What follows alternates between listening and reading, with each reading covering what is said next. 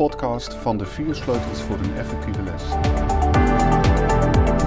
Welkom bij de podcast van de vier sleutels voor een effectieve les. De podcast over lesgeven op de basisschool met tips en inzichten van inspirerende gasten om beter te worden in je vak. Mijn naam is Theo Wildeboer en mijn gast in deze aflevering is dokter Pedro de Bruikere. Welkom Pedro. Goedemiddag. Goedemiddag. Fijn dat je mijn gast wil zijn. Laat ik je voor de luisteraars, voor zover nog dat nodig is, maar even kort introduceren. Je werkt sinds 2001 in de lerarenopleiding secundair onderwijs van de Artevelde Hogeschool in Gent als pedagoog en onderzoeker. En verder doe je onderzoek aan de Universiteit van Leiden. En eh, op 9 juni 2017 behaalde jij je dokterstitel aan de Nederlandse Open Universiteit in Heerlen. De tijd gaat snel. Ja, Paul Keersner, hè? Ook, ja. Ja, Klopt. Ja, ja.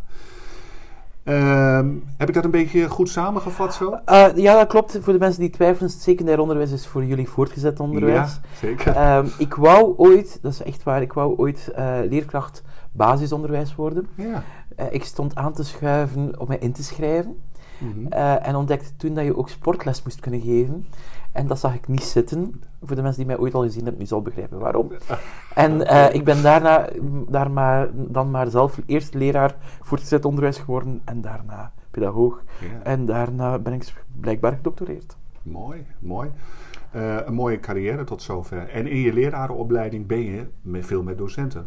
Of aankomende docenten ja, bezig? Ja, ik geef les aan leerkrachten van allerlei pluimage, maar die dan specifiek in het voortgezet onderwijs in Vlaanderen lesgeven. Alhoewel dat de laatste tijd ik merk dat jullie in Nederland door het leraartekort bij ons komen ze wegplukken. Is het echt zo? Uh, ik, ik ben al verschillende van mijn oud-studenten in Nederland tegengekomen. Dat ja, is bijzonder.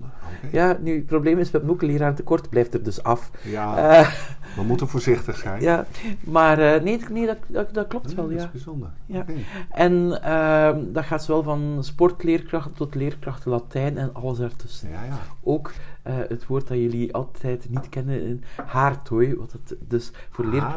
Haartooi. Haartooi. Dat zijn leerkrachten haarknippen, kapsalon. Oh ja. Ja, dat ja. hebben we ook zelfs in onze opleiding. Hé, hey, dat is ook bijzonder. Het zit er allemaal bij. Ja. Maar dan gaat het vooral, uh, en daar ben jij dan mee bezig, met de didactiek, neem ik aan. Ja, ik, ik geef daar uh, didactiek, ik geef daar ook onderwijsbeleid.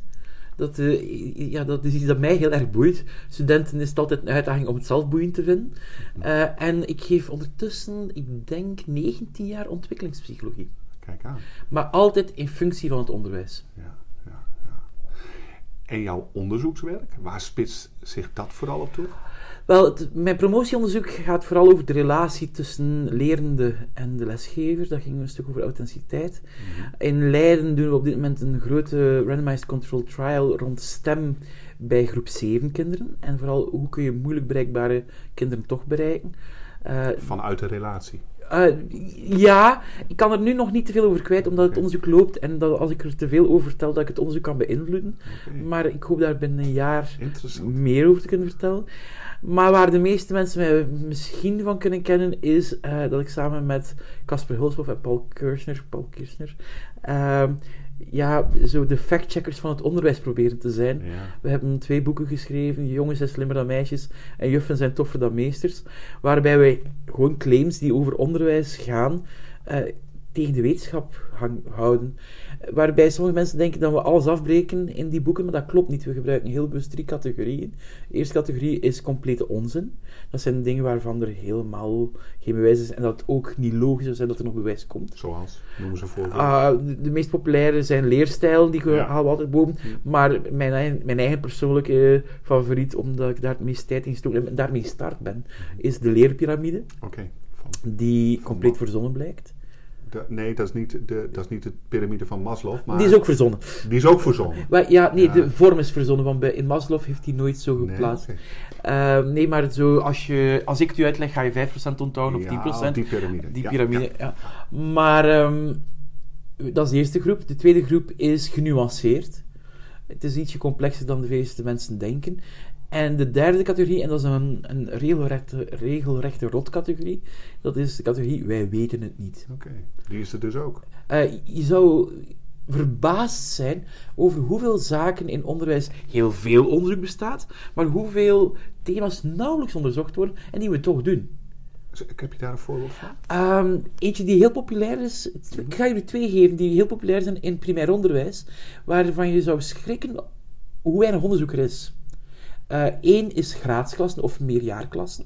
Dus waar dat er verschillende leeftijden samengezet worden. Ja. Daar is wel wat onderzoek over, maar niet om te zeggen heel veel. En dan hebben we niet over, even voor de helderheid, hebben we het niet over combinatieklassen. Maar echt over klassen waar leerlingen van meerdere leeftijden bij elkaar Ja. zitten. Bijvoorbeeld zoals het in het Jena-plan onderwijs Klopt. wordt gepropageerd. Ja. Eh, nu, opgelet, er kunnen heel veel eh, redenen zijn waarom dat klassen samengevoegd worden, of leeftijden samengevoegd worden. Dat kan ook zijn omdat er te weinig leerlingen zijn. Precies. Dat maakt ook onderzoek weer wat moeilijker. Ah, Oké. Ja, Ehm, maar we zien dat daar de, de, de paar onderzoeken die daarover bestaan, geven zeer genuanceerde ehm, resultaten. Goed voor de jongsten, niet noodzakelijk goed voor de oudsten. Ah, oké. Maar wij, onze inschatting is ook, op basis van het onderzoek dat er nu is, daar hele grote uitspraken over doen. Als je vergelijkt met andere domeinen, heel weinig onderzoek. Dat kan dus ook niet. Wij, we zijn heel voorzichtig daarin. Ook met die mythes, we proberen echt voorzichtig Ja. te zijn. Maar in, in, in Nederland bijvoorbeeld is het heel populair om de jongste kinderen eh, bij elkaar te zetten. Ja. Dus groep 1, groep 2. Klopt. Maar eh, als we kijken, er is weinig onderzoek, maar het onderzoek dat er is, zegt van, oh, wacht, voorzichtig. Misschien Ja. is het niet voor iedereen even goed. Maar er is nog een, nog een veel grotere. Eh, Co-teaching. Ah, ja. Zeer populair. Ja, zeker. Ogenschijnlijk heel veel onderzoek naar. Tutor. Tutor. Nee, dat is niet hetzelfde. Dat is niet hetzelfde. Nee, tutor is niet in de klas, maar dus twee leerkrachten samen Helder. in een groep zetten. Ja. En ik zeg ook bewust twee leerkrachten. Dus niet onderwijsassistent en een leerkracht, maar twee leerkrachten, co-teaching. Ehm, heel populair thema, Mhm. Zeker. Maar opvallend. Er zijn heel veel case studies. Maar een onderzoek waarbij je kijkt, Ja. levert dit nu meer leerresultaat op? ja. Dan moet je met een experimentele groep werken, controlegroep Ja. enzovoort. En dan levert dat niet dat soort Nee. resultaten op. Dat weten we niet, bij gebrek aan onderzoek. Ja. Want het ging erover, we weten het niet. Ik heb dus ook niet gezegd dat ik tegen graadsklassen Ja. of meerjaarklassen ben. Ik heb ook niet gezegd dat ik tegen co-teaching Ja. ben. Maar het is heel opvallend. Ja. Er, er is echt wel weinig onderzoek naar. En als we het dan niet weten, zouden we het dan ook niet moeten doen? Eh, ja, in feite vooral die categorie die in ons boek voorkomt, namelijk eh, we weten niet, dat zijn feiten suggesties voor verder onderzoek. Ja. Eh, en er zijn nog wel heel veel domeinen waar nog wel veel onderzoek mogelijk is. Terwijl dat we zien dat over bepaalde thema's, ik zeg maar iets, huiswerk, dat de, de onderzoeken zijn niet aan te slepen. Daar is dus heel veel over bekend. Ja. Ja. Maar goed. het- Dat is niet het onderwerp van vandaag. Ja, het is niet het onderwerp van vandaag. Want Dus wij gaan, wij gaan nee, nee, nou, dat weet ik niet. Ik denk dat het heel interessant is. Wij, wij gaan het vooral hebben over voorkennis. Eh, maar het is goed dat je even gerefereerd Ja. hebt aan jouw werk. Ehm, en dat, dat kunnen we de luisteraars ook heel erg aanbevelen. Want het zijn prachtige boeken. En eh, het kan je ook heel erg helpen in het nadenken voor je visie eh, binnen de school. En wat je wel en niet zou moeten doen. Ja, ehm, ja, jouw werk als wetenschapper eh, de, spitst zich vooral toe op beter leren op school. En nou ja, net heb je al even aangegeven het bestrijden van, eh, mag ik het zo zeggen, kwakzalverij in het onderwijs. Ehm, en een specifiek onderwerpje daarin, hè, dat komt ook ergens in je boeken tegen, dat gaat over voorkennis. Ja. En dat komt voor in jouw boek eh ClassKit Tools voor Topleraren. Je besteedt daar een heel hoofdstuk aan. Klopt.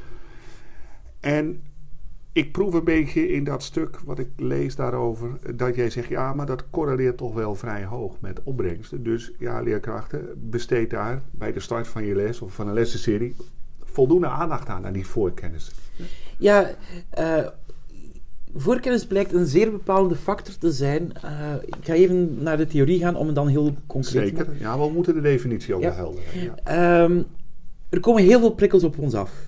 En vanuit die prikkels moeten we selecteren. Eh, je hebt op dit moment ook onder andere de cognitive flow theorie die zegt van je werkgeheugen is, is beperkt. Je kunt daar maar een paar indrukken door. Ehm, en een van de, de, de basissen op basis waarvan geselecteerd wordt welke informatie er doorkomt, is voorkennis. Maar dat merk je ook in de praktijk. Bijvoorbeeld, eh, we zijn hier nu in Amsterdam. Je loopt door Amsterdam en je ruikt opeens spaghetti saus. Ja, je herkent dat. Ah, dat is, die, die saus is net zoals die van mijn oma, die ze vroeger maakte. En opeens komen er een heleboel herinneringen boven. Doordat je het herkent, Het kan zijn dat iemand wiens grootmoeder niet die saus gemaakt heeft, dat hij die geur niet eens gaat opmerken. Maar omdat er al voorkennis is, het liedje dat je opeens hoort op de radio, dat je zegt van, ik, ken, ik herken het, waardoor in al die tientallen prikkels die rondom jou zijn, dat je niet opgemerkt, dat dit makkelijker opgemerkt wordt. Ja, Nu, eh, in dit geval gaat het nog niet over leren, het gaat over herkennen. precies. Nu, wat zitten we in een klassituatie? Het is in feite zeer belangrijk dat wat we aanbrengen, dat dat een stukje aangekoppeld wordt aan wat het kind al weet. Ik bedoel, als het helemaal ver van mijn bed is, dan eh, zal het heel moeilijker zijn en dan zal het zwoegen zijn. Nu, dat is het verschil tussen leefwereld en voorkennis. In de leefwereld zit er heel veel. En we zeggen altijd vertrek vanuit de leefwereld en dat is mooi. Maar voorkennis, dan vertrek je in feite van wat moet het kind weten, kennen, kunnen en zijn, eventueel zelfs, om wat ik met dat kind wil bereiken, daarop kunnen verder bouwen. Bijvoorbeeld, eh, we zeggen soms, eh, je moet eerst kunnen eh, stappen om te kunnen lopen. Ja, in dat geval is dat stappen de voorkennis die je nodig hebt Ja, om te kunnen lopen. Maar wat merken we dan? Dat, dat daar soms te, stil, te weinig stil bij gestaan wordt. Ik bedoel, ik geef les in de lerarenopleiding en eh, ik bedoel, de beginsituatie moeten onze studenten heel mooi invullen op hun formulier. En eh, ze doen dat dan eh, plichtsmatig tegen hun zin waarschijnlijk. Eh, en dan staat daar de kenmerken van de leerling. En wij vragen dan ook, wat moeten uw leerlingen kennen, kunnen, attitude hebben, om uw les te kunnen volgen. En ik merk dat dat heel vaak open blijft. Ja, dat weten ze niet. Ze staan niet bij stil.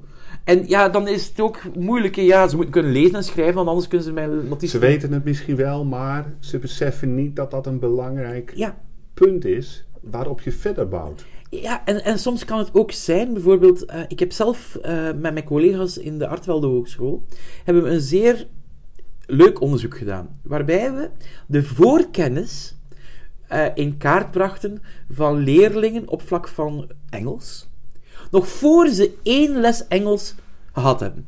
Nu was, merkten we namen gewoon het curriculum en we testen hen op dat curriculum. Ja. Nu, wat bleek? Een kwart van de leerlingen voor, voor de allereerste les Engels hadden alle, alle doelen bereikt. Dus die, dat kwart, die waren klaar. Terwijl dat meer dan een derde nergens stond. Maar die zitten op dezelfde moment in dezelfde klas. En als je daar dan aan les geeft, dan gaan er een paar zijn die zich stierlijk zitten te vervelen. Gaan er anderen zijn waar je gewoon boven de hoofden praat. En als je dan enkel maar aan die gemiddelde les geeft, dan verlies je er een paar. Ja. Ja. Nu, opgelet, we dat- weten al wat differentiatie is, maar wat dat dan heel erg opvalt, ik heb dit weekend nog eh, een paar werken rond differentiatie doorgenomen, wat literatuur. En dan zie je dat het heel vaak gaat over leerlingkenmerken. En dan gaat het eh, over soms mythes zoals leerstijlen of ehm, de verschillende intelligenties volgens eh, Gardner. En dan vertrekt men heel vaak ook vanuit interesses, je kan daar verschillen in hebben.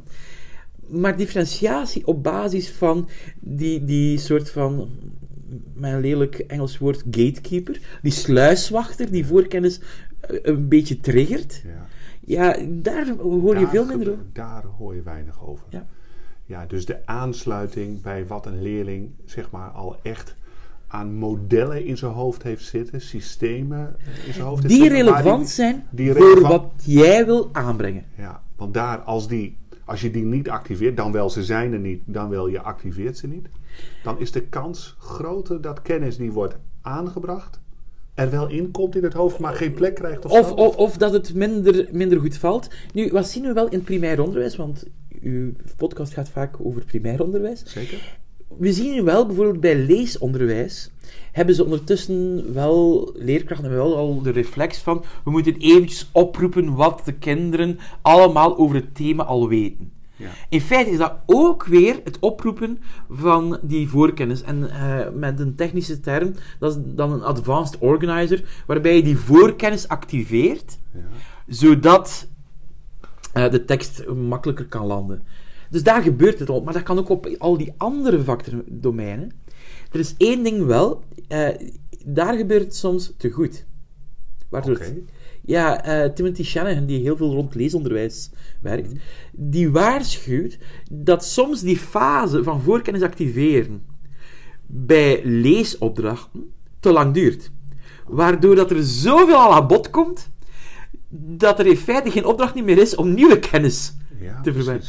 Dus als we het hebben over die voorkennis, dan is het heel belangrijk, één, als ik even mag samenvatten, maak dat je weet welke voorkennis ze nodig hebben. Ja. Probeer ook te weten te komen waar die hiaten in de voorkennis zitten. Maar zorg er ook nog voor dat je niet bij de voorkennis blijft hangen.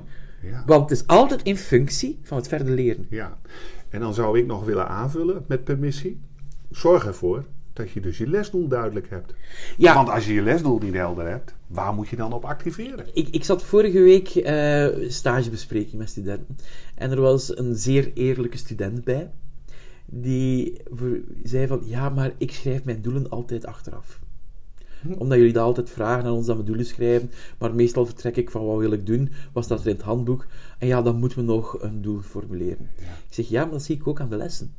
Omdat ze heel vaak niet doelgericht zijn Oké. Ja, dan... In feite, doelen formuleren, ze denken dat dat iets is eh, dat uitgevonden is door, door, door pedagogen in de lerarenopleiding om studenten te pesten. Ik ben zelf ooit ook student geweest. Ik dacht dat toen ook. Ja. Ik schreef mijn reflecties trouwens, mijn zelfreflecties voor de stage, omdat ik dan meer tijd had. Na een tijdje weet je wat dat er daar moet Nee. komen. Ja. Nu, ehm dat was geen tip. Nee, nee. Maar- knippen we er ook niet uit. Maar ga verder. Maar als we gaan kijken, doelgericht werken, dan moet je een duidelijk, concreet doel hebben. En een doel formuleren, dat is uw werk besparen, maar dat is ook uw evaluatie formuleren. Precies. Ik bedoel, als je een goed, duidelijk omschreven doel hebt, dan weet je ook hoe je gaat weten, hoe dat je het kan meten of kan observeren. Ja. Heb je het bereikt of niet? En dat kan je ook meegeven aan je leerlingen. Zo van, dit hier is wat ik op het einde van de rit met jou wil. Precies. En terug naar het onderwerp. Ja. Je kan de voorkennis daarop eiken. Want ja, dan ga je die klas eh, bekijken. In je lesvoorbereiding ga je nadenken over de vraag: zouden leerlingen met het aanbod wat ik ga doen, met de uitleg die ik ga geven, dat lesdoel kunnen bereiken? Of zijn er misschien al leerlingen die dat beheersen, omdat ze Ja. veel voor enzovoort. hè? Ja, Dus je hebt hem nodig voor de redenering. Klopt, maar ook als je optimaal wil nadenken over voorkennis, dan ga je automatisch ook meer, niet enkel vanuit je eigen enige les kijken, maar ga je ook ruimer kijken, want dan spreek je opeens over een curriculum. Want dan kan het ook zijn dat bepaalde zaken gewoon, dat je ervan uitgaat, ze kennen dat wel, Ja. En ik ga daarop verder bouwen, maar is dat zo? Ja, dat hebben ze in vorige groepen al gehad enzovoort. Maar de vraag is, is dat zo? Of herkennen de kinderen dat wel als nuttige voorkennis? Want het kan perfect zijn eh, dat ze in de ene les geleerd hebben hoe dat je iets berekent, maar opeens kom je in een compleet, bijvoorbeeld in de reekles, maar dan komen ze in een, in een wetenschapsles, in een fysica of dergelijke, en ja, die berekening, oh ja, dat is wiskunde, dat is een ander vak, hè.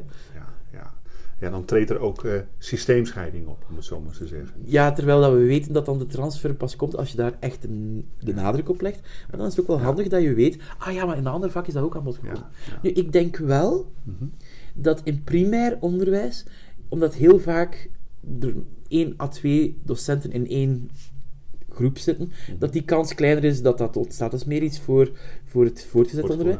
Aan de andere kant merken we dat door al het deeltijdsonderwijs in eh, Nederlands primair onderwijs, dat de communicatie Ja, heel belangrijk is. En dan zien we dat er heel vaak goed gecommuniceerd wordt, wel over de zorgen, ja, maar over de inhouden ook. ja. Maar minder over. Ik durf niet zeggen, ik heb geen cijfers, ik kan Nee. niet zeggen, maar ik, mijn tip Ja. is, heb ook aandacht voor, voor ja, die connecties en ook over die zaken die doorgegeven worden. Zowel als je samen les geeft, als je nu de ra- verantwoordelijkheid voor een, groep deelt, maar ook over de verschillende... Ja, helder, helder. De verschillende leerjaren heen. Ja. Dus de overdracht moet heel goed zijn. Ja. Ik wil even, even ehm, een paar eh, eh, punten eh, samenvatten en er toch nog even uithalen. Als het gaat over voorkennis, moeten we dat niet verwarren, hoor ik je zeggen, met de leefwereld van de, van de kinderen. Want je, gaf zelf, je geeft zelf in, het, in, het, in je boek geef je een heel mooi voorbeeld. Dat gaat over eh, vliegen.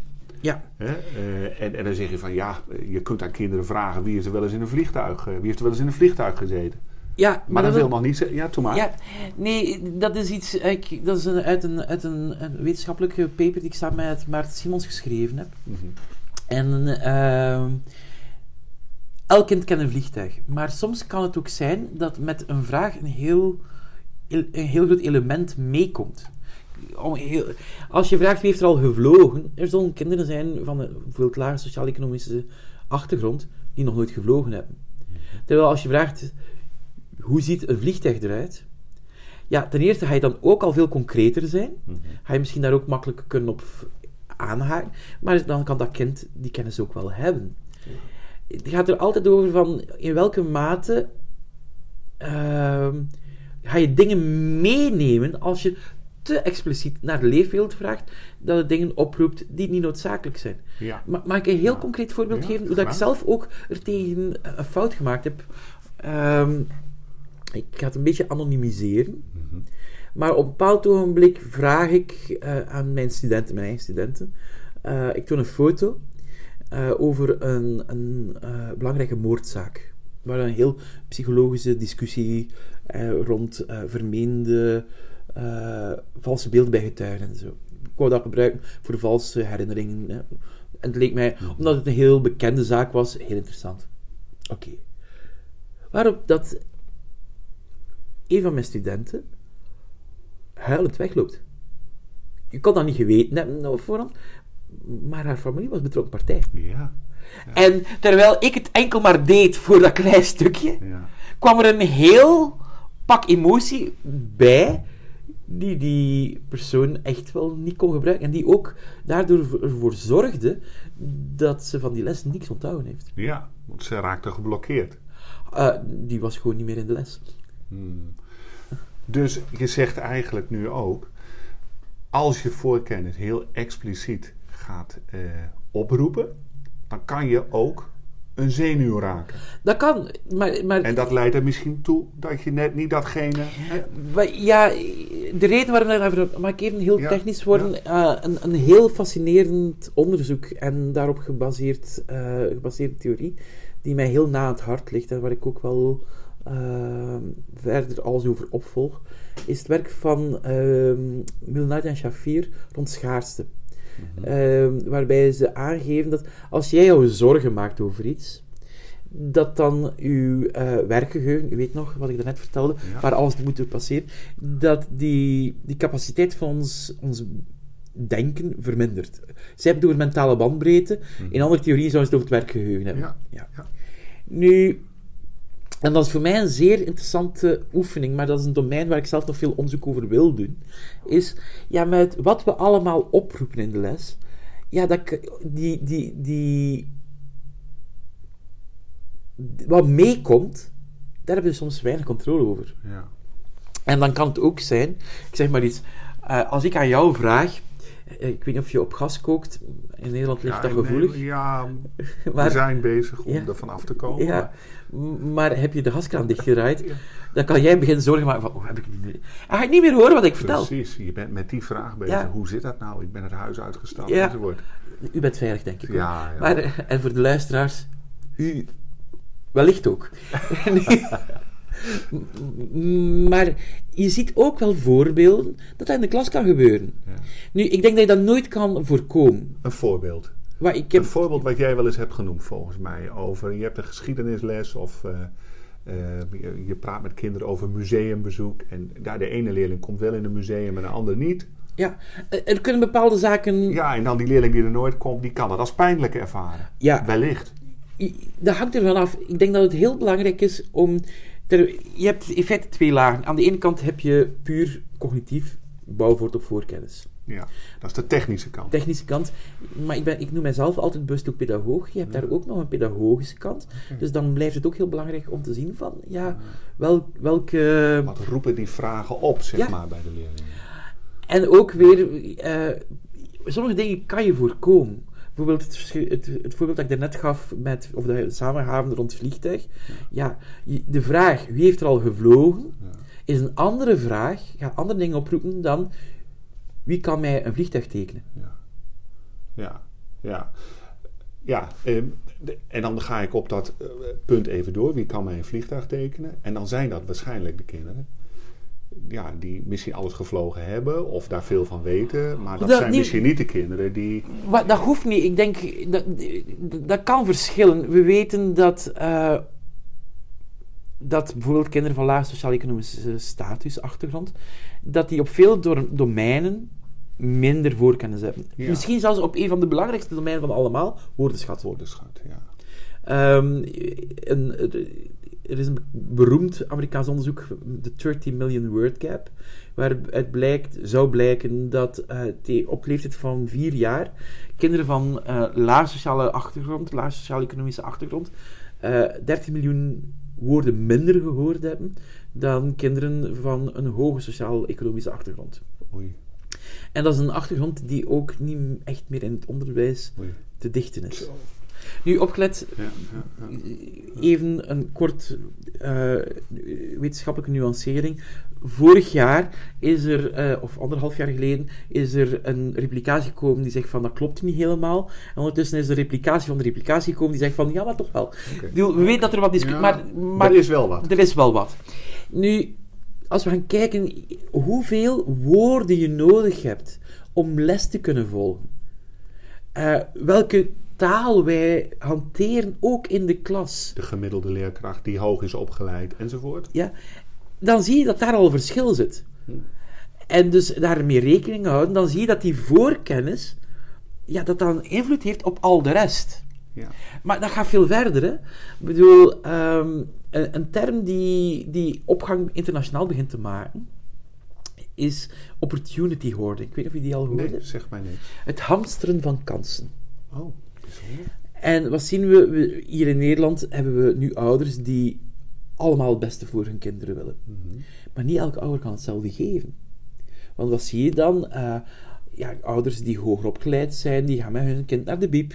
Die gaan eh, voorlezen, omdat ze lezen in de ah, boekjes. Dat voorlezen bij kinderen heel belangrijk is voor de taalontwikkeling. Eh, ik zeg niet dat de ouders die laag opgeleid zijn dat niet willen doen, maar misschien hebben die daar ook minder tijd voor, omdat ze aan het werk zijn, bijvoorbeeld.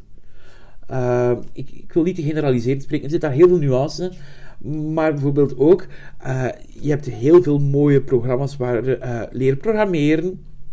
Uh, dan heb je programma's waarbij van allerlei dingen aangeboden worden over knutselen. Allemaal heel goed.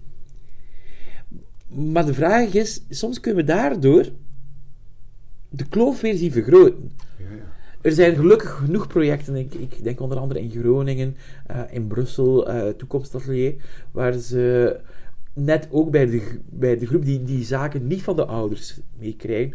Niet omdat, die, omdat de ouders dat niet willen, maar omdat ze daar de toegang niet toe hebben, of soms ook de financiële kans niet toe hebben, om, om dat ook aan te bieden. Ja, ja want hè, als ik je goed begrijp, zeg je eigenlijk van, uh, nou ja, kinderen uh, uh, stappen die les in. Hè. Laat ik het even gewoon over de concrete les hebben, waar een bepaald doel centraal sta staat.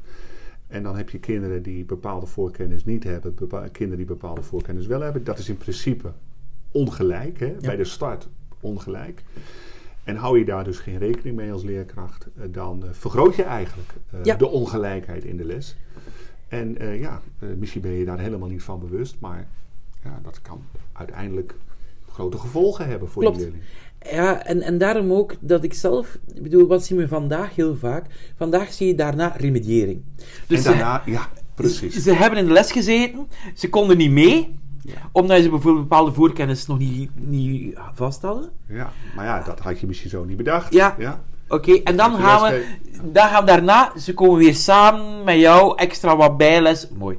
Maar hoeveel mooier zou het zijn als je vooraf dat doet en dan, dan iets doet als pre-teaching, waarbij dat je bij de kinderen, dat je zegt van kijk, ik, volgende week gaan we het daarover hebben, of volgende les gaan we het daarover hebben, of morgen gaan we het daarover hebben, maar wil je eventjes een keer deze vragen hier beantwoorden met de klas, en diegenen die dat niet zo goed kunnen, ja, daar ga ik eventjes mee samenzitten, want anders ga je morgen moeite hebben om de les te kunnen volgen. Ja, ja.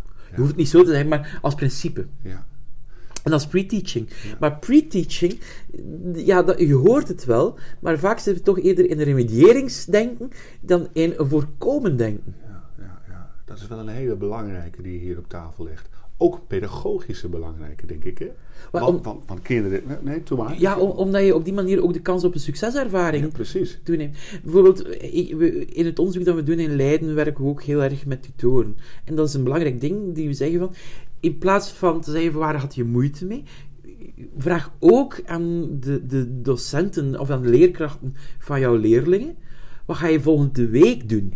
En kijk of je ja, bepaalde zaken moet aanbrengen, zodat je ze zeker kunnen volgen. Dat wil niet zeggen dat je de les al noodzakelijk gaat geven. Maar gewoon gaan kijken van...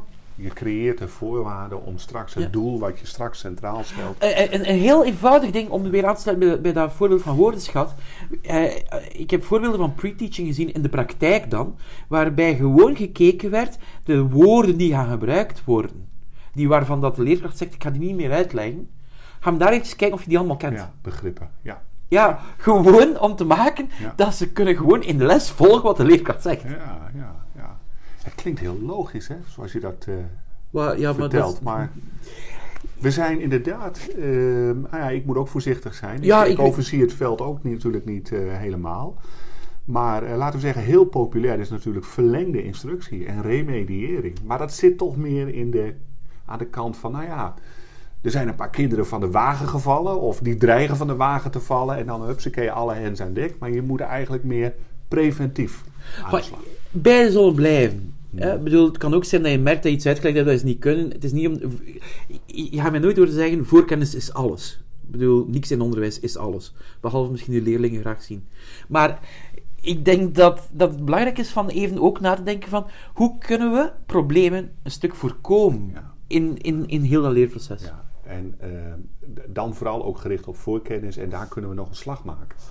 Het is ter inspiratie. Ja, ter inspiratie, zeker. Ik, ik probeer even voor mezelf de zaak eh, nog Prima. wat op een rij te zetten. Je hebt het gehad over voorkennis. Volgens mij hoor ik je zeggen, ja, dat kan over vaardigheden gaan, dat kan over woordenschat gaan. Eh, maar het kan ook over houdingen gaan, denk ik. Hè? Ja, en, en als we het daarover hebben, als ik mag, even mag inpikken... Ja? Want daarna ga ik even verder met mijn samenvatting. Ja, nee, nee, Nee, maar. nee, maar- Ehm, dat kan ook helpen dat soms misschien je gaat ontdekken dat bepaalde zaken of bepaalde doelen te vroeg zijn. Dat je zegt van, ik wil dat wel bereiken, maar bijvoorbeeld ik wil werken aan onderzoekende houding, maar de opdracht die ik hier nu voorzien had, de meeste van mijn kinderen zitten nog op dat niveau niet. Misschien moet ik dan toch maar even een tussenstap doen. ja, ja, ja, ja, dat kan ook de uitwerking zijn. Ja. Om iets nog niet te doen. Ja. Ja. Of sneller te gaan, kan Ja, ook. Ja. Maar ik, ik oké. onderbrak u. Nee, ja, ja, zeker, zeker. Eh, vaardigheden, woordenschat, eh, houdingen, daar gaat het bij voorkennis vooral over. Ehm, we hebben eh, het verschil, denk ik, eh, goed op tafel gehad over dat eh, voorkennis niet hetzelfde is als de leefwereld of de ervaringswereld van, van kinderen.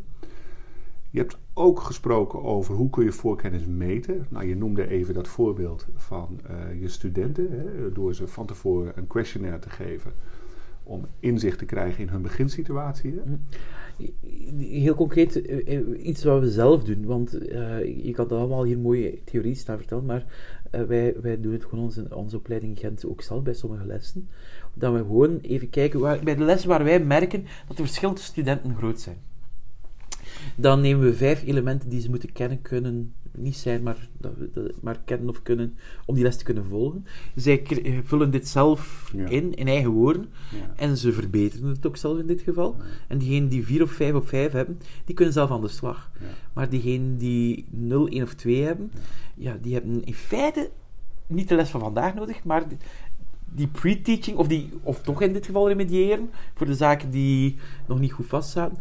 Bij diegene van 3, dat kan een korte herhalingsoefening zijn, alhoewel dat vorig jaar meestal onze studenten toen lieten kiezen wie ze aansloten van de twee groepen. Dus, dus, oké, dus als je voorkennis meet, levert dat ook nog op dat je eigenlijk een grondslag krijgt of een legitimatie krijgt voor afstemming in de les. Ja, Van, eh, nou, jij een klein beetje instructie, jij kunt meteen aan de slag enzovoort. Ja, op die manier, ik bedoel, het is, Ja. het is niet enkel maar een middel om iedereen Nee. samen les te kunnen geven. Nee, het is voor ons een middel van differentiatie.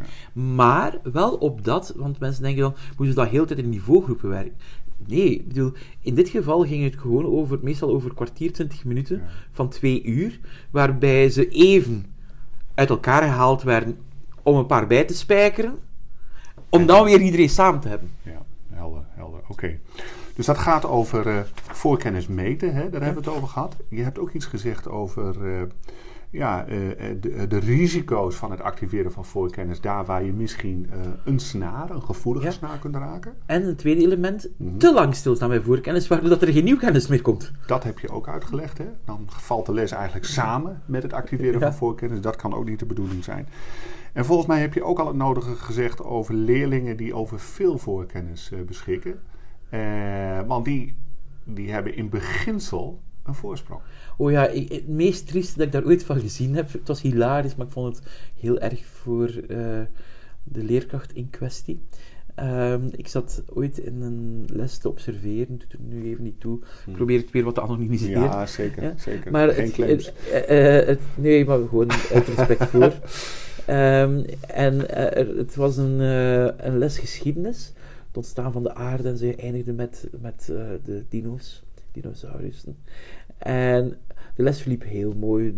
De, hele, het hele klaslokaal was ego, de tijdlijn, mooi aangepakt. Wist de leerkracht in kwestie veel dat het einde nabij was. Zo tien minuten voor het einde van de les stak. Het, is, het klinkt alsof ik het verzin voor het verhaal, maar het was echt waar. Een soort Harry Potter-typeke.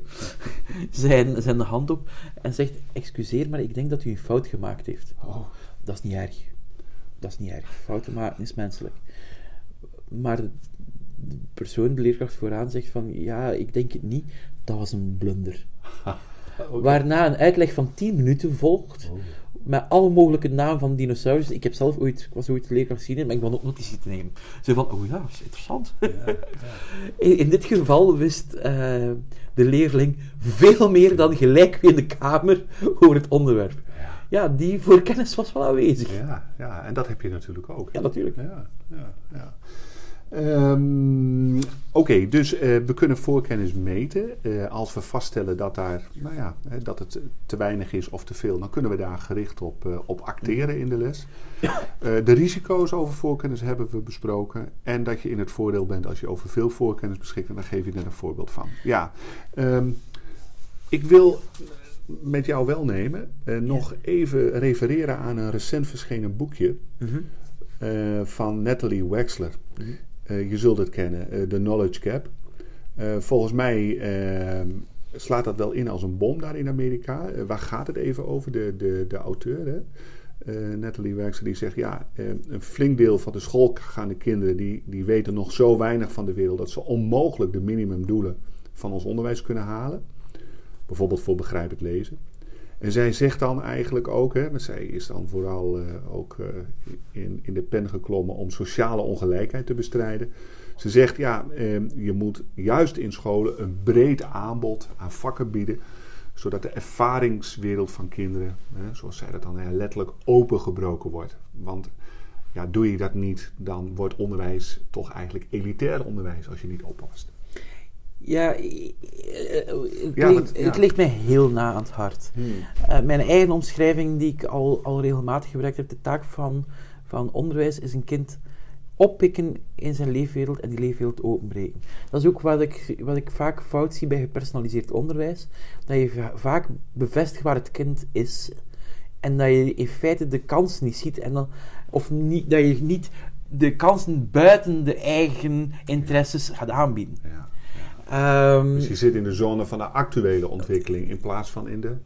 Zone van naast ontwikkeling. Nu, dat is nog een heel ander debat. Maar okay. um, als ik even hier mag ook ja. verder gaan. Uh, het kan dan zijn dat, je, dat net die ongelijkheid je nog meer in de verf gaat zetten. Of zelfs gaat vergroten. Uh, voor het primair onderwijs hebben daar twee Vlamingen in de opdracht van het PO-raad trouwens een mooi rapport over geschreven. Okay, maar Jan, Mas, Jan uh, Maskelijn en Maarten Simons, mm -hmm. waarbij ze ook aantonen van dat gepersonaliseerd onderwijs, niet dat je daar per se voor of tegen bent, maar een risico, het houdt er risico in dat je de ongelijkheid vergroot. Ja. Ja. Net omdat die, die voorkennis en die leefwereld van sommige kinderen zo klein is, dat hun interesseveld kleiner is, waardoor dat als je daarvan vertrekt ja. en het niet openbreekt, dan ze heel veel dingen niet eens gaan aan denken om daarin zich te verdiepen of uit te breiden. Terwijl dat kinderen die al heel veel aanbod gekregen hebben, ja, ja het is makkelijker om daaruit te kiezen van wat er ligt u. Nu, dat, één, dat is één ding. En zeker als je dan ook met de leerling meegaat. Hè? In de Ja. zin van, wat wil jij nu leren? Ja. Wat worden jouw doelen? Ja, Ja, klopt. En, en daarom ook dat, dat voor mij een belangrijk principe het, het is het motto van eh, de familie Grutiussen uit Brugge. Oh. Ja, en, en ook het motto van de Jezuïeten, Oh. de scholen. nou wordt het echt interessant. Ja, eh, en hun motto is plus et en vous. Mhm. Er zit meer in jou. Ja.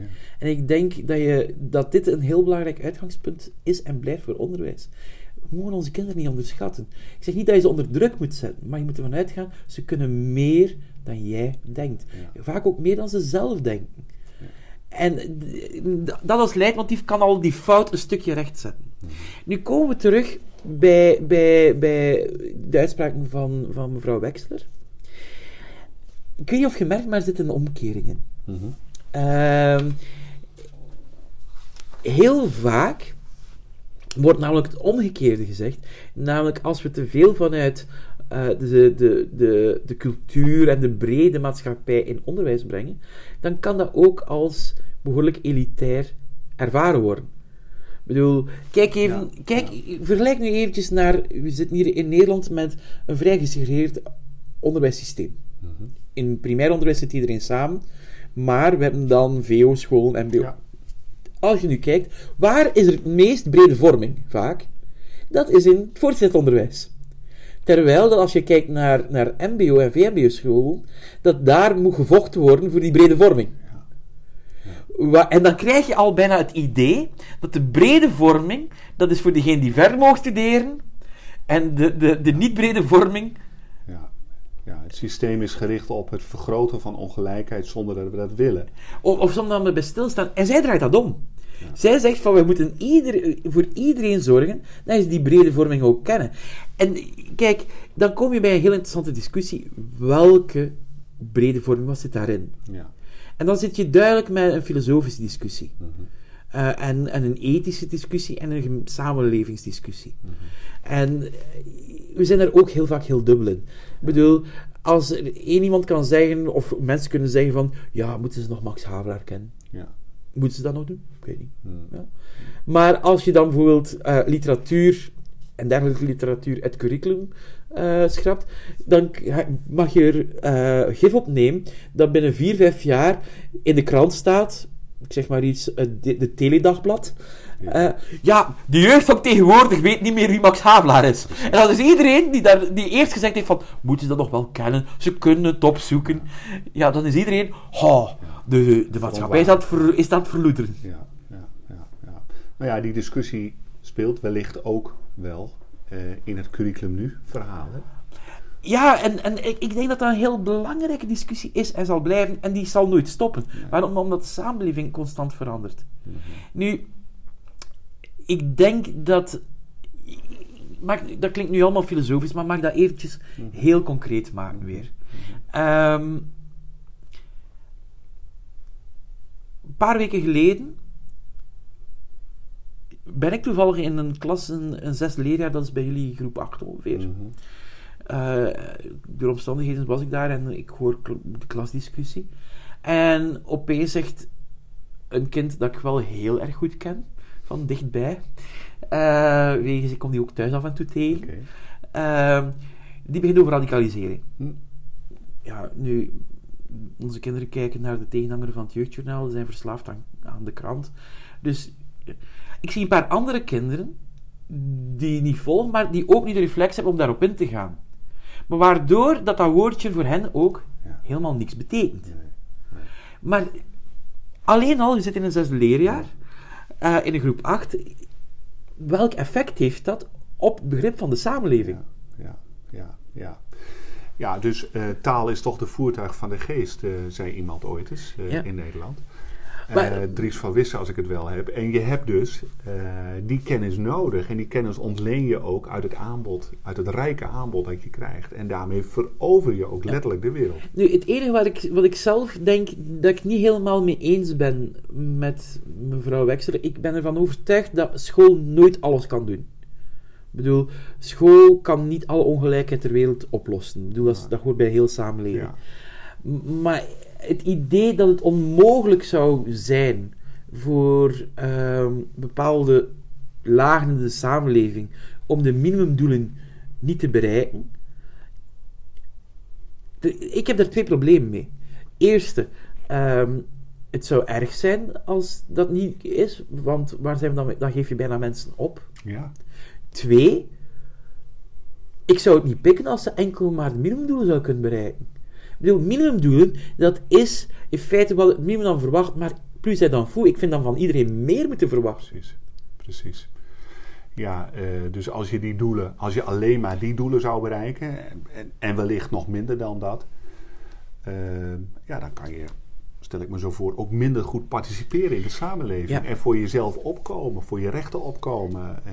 En, en het leuke is, als, als je kijkt, ik heb zelf het geluk door mijn werk dat ik op veel plaatsen in Vlaanderen en Nederland, maar ook buiten Vlaanderen en Nederland kom.